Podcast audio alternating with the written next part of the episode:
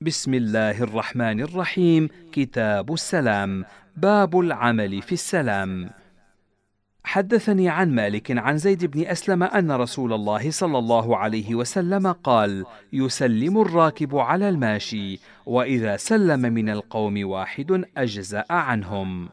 وحدثني عن مالك عن وهب بن كيسان عن محمد بن عمرو بن عطاء أنه قال كنت جالسا عند عبد الله بن عباس فدخل عليه رجل من أهل اليمن فقال السلام عليكم ورحمة الله وبركاته. ثم زاد شيئا مع ذلك أيضا. قال ابن عباس وهو يومئذ قد ذهب بصره. من هذا؟ قالوا هذا اليماني الذي يغشاك. فعرفوه إياه. فقال ابن عباس إن السلام انتهى إلى البركة. قال يحيى سئل مالك هل يسلم على المرأة؟ فقال أما المتجالة فلا أكره ذلك وأما الشابة فلا أحب ذلك. باب ما جاء في السلام على اليهودي والنصراني.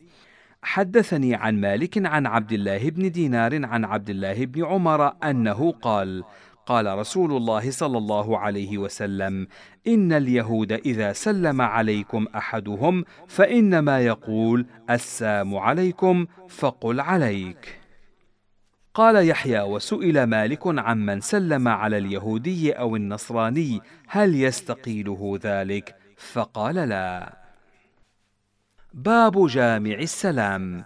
حدثني عن مالك عن إسحاق بن عبد الله بن أبي طلحة عن أبي مرة مولى عقيل بن أبي طالب عن أبي واقد الليثي أن رسول الله صلى الله عليه وسلم بينما هو جالس في المسجد والناس معه إذ أقبل نفر ثلاثة فأقبل اثنان إلى رسول الله صلى الله عليه وسلم وذهب واحد فلما وقفا على مجلس رسول الله صلى الله عليه وسلم سلما.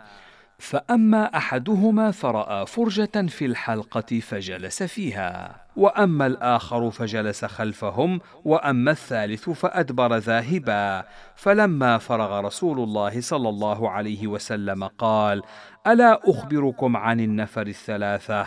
أما أحدهم فآوى إلى الله فآواه الله. وأما الآخر فاستحيا فاستحيا الله منه وأما الآخر فأعرض فأعرض الله عنه.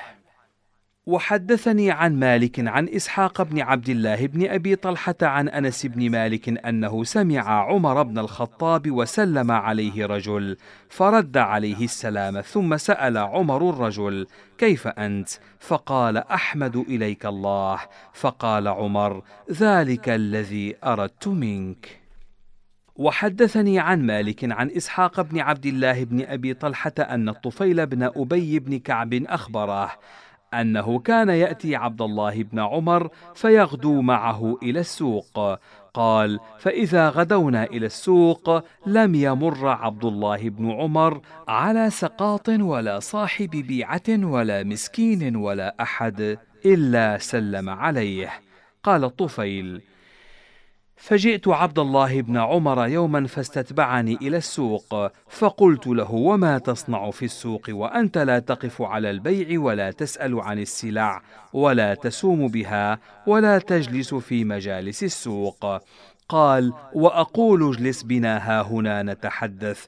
قال فقال لي عبد الله بن عمر يا أبا بطن وكان الطفيل ذا بطن إنما نغدو من أجل السلام نسلم على من لقينا. وحدثني عن مالك عن يحيى بن سعيد أن رجلا سلم على عبد الله بن عمر فقال السلام عليك ورحمة الله وبركاته والغاديات والرائحات. فقال له عبد الله بن عمر وعليك ألفا. ثم كأنه كره ذلك.